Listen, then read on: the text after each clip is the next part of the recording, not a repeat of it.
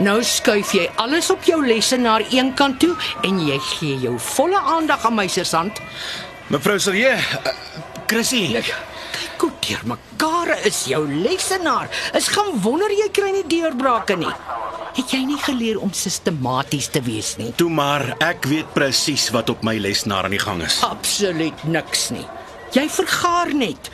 Jy's wat my ma 'n oppotter genoem het. 'n Opgaarder. Het jy my kom name noem? Wys my 'n man se garage in sy lesenaar en ek skryf 'n boek oor hom. Daar, oorkant, in die hoek staan 'n oop lesenaar. Loop sit en skryf jou boek daar. Is jy altyd so ongeskik met die publiek, sergeant? Net die wat my name noem. Ek is hier omdat ek diep beswaard is en jy stuur my hoekie toe. Waar is kaptein Nkosi?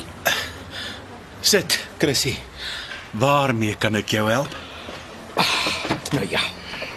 Voor ons by my plakboek in verklaring kom, moet ek jou eers van my jongste ellende vertel. Nog 'n gesteelery. Ek kry toe vir my twee manne van die sekuriteitsmaatskappy om snags by my plaashek wag te staan. Kos my 'n plaas se prys. En toe knip hulle die drade waar die manne nie kan sien nie en hulle steel weer dwerg vetplante. Jy weet wat hulle modus operandi is en jy doen niks. Ek weet wat hulle doen, maar ek weet nie waar hulle volgende gaan toeslaan nie. Want daar's foto's van die geknipte drade in my plakboek en daar's foto's van die bakkiespore wat langs die drade in die sand was. Hoe weet jy dis bakkiespore? Ek ken bakkiespore. Ek het al die foto's in die plakboek genommer. En in my netjiese getikte verklaring verwys ek na die foto's as stawende getuienis. As kaptein Nkosi dit sien, gaan hy begin dink jy's besig om vinger te trek. Hm, Laat ek sien. daar sê. Kyk daar. Aha, hierso. Dis Kyk daar. indrukwekkend. Ons moet dit beëdig. Dan is dit 'n amptelike dokument. Nou maar waarvoor wag ons?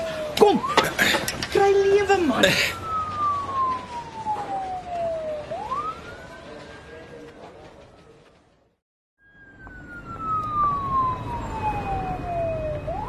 En as jy so vroeg by die polisiestasie uitkom, vriendin, Nog ellende. En jy?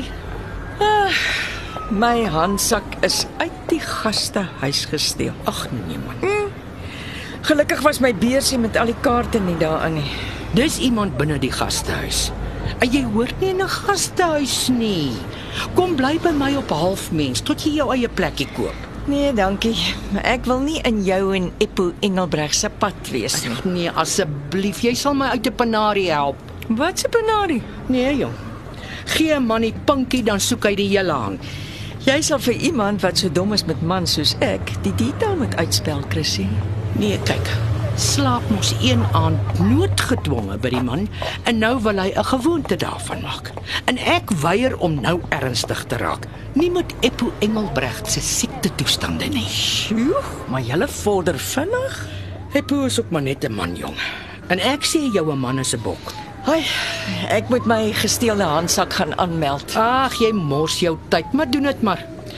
Laat 'n mens beter voel. Ons praat weer hoor.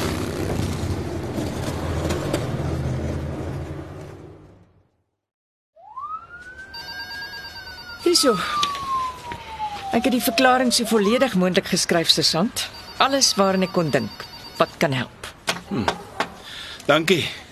Ons gaan dit nou beëdig. Ek neem aan ek gaan nie weer my handsak sien nie. Gee ons 'n kans, mevrou. Juffrou. Juffrou. Ek wil jou 'n foto wys. Mm? Hier.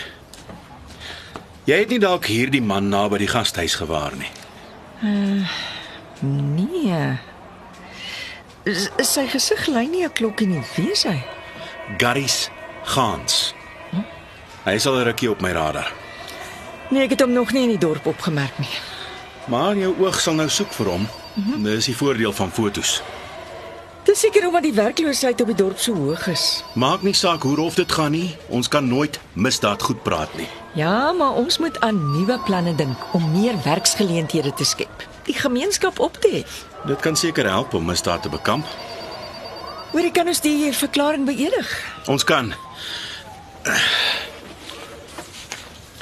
Kom, die stempels is voor by die toonbank.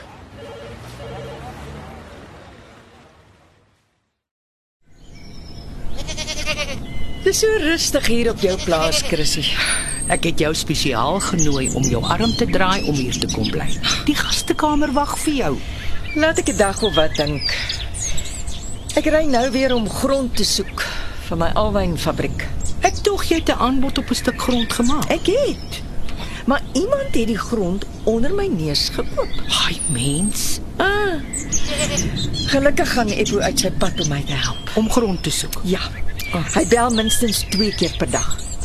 Asof hy verslag aan my moet doen. Ek sien. Ja, dis gaaf van hom. Dit is. Ek waardeer dit. Wens net Eppo wil vir hom 'n nuwe dokter soek. Hy boer by dokter Pieterse en die man hoort in 'n museum. Die keuse van 'n dokter bly tog 'n persoonlike saak. Iemand met al Eppo se kwale, korte spesialis, nie 'n afgeleefde dokter uit Noag se ark nie.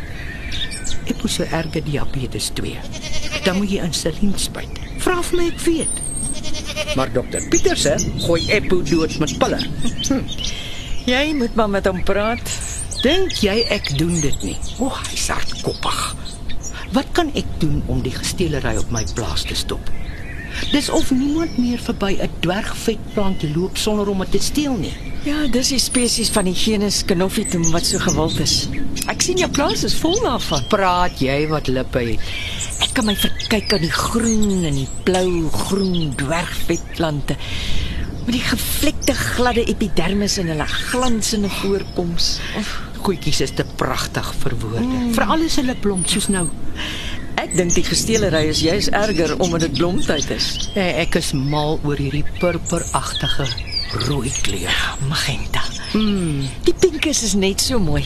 Eh, Jy kry ook 'n uitsonderlike wit. Gelukkig het ek nie wit is nie, anders was die steelery erger. Ek hoor R100 is niks vir 'n enkele vetplant. En soos jy weet is hulle klein, baie klein, maar 4 mm lank, so groot. Oh.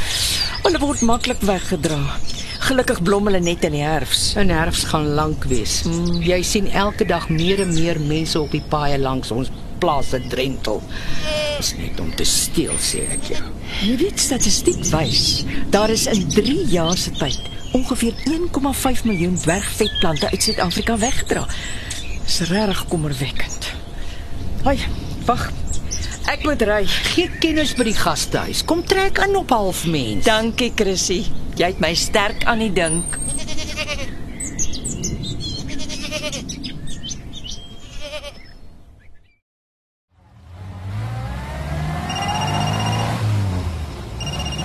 Shirley Sinfield, ek bestuur, maar praat gerus my Bluetooth is aan. Juffrou Sinfield, Susan Johnson. Middag Susan. Ek dink ek sê jou net. Ek het die personeel by jou gastehuis ondervra. Almal blyk natuurlik onskuldig, maar ek volg op. Dankie Susan. Wag, wag. Net 'n oomblik. Is daar fout? Susan?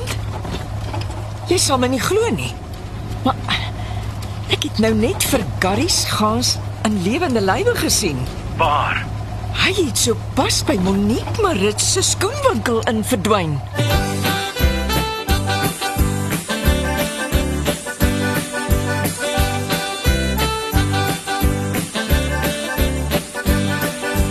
Was Katbosveld deur Jo Kleinhans. Die tegniese versorging is deur Marius Vermaak. Katbosveld word vervaardig deur Betty Kemp saam met Marula Media.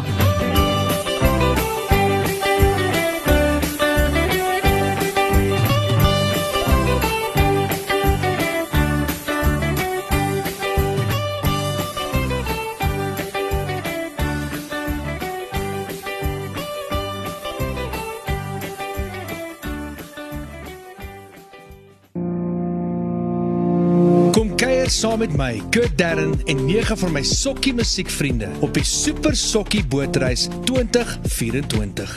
Marula Media gaan ook saam vanaf 8 tot 11 Maart 2024 en ons nooi jou om saam met ons te kom sokkie op die musiek van Jonita Du Plessis, Early B, Justin Vega, Jay, Liani May, Nicholas Lou, Jackie Lou, Dirk van der Westhuizen Samantha Leonard. en Ray Dillon.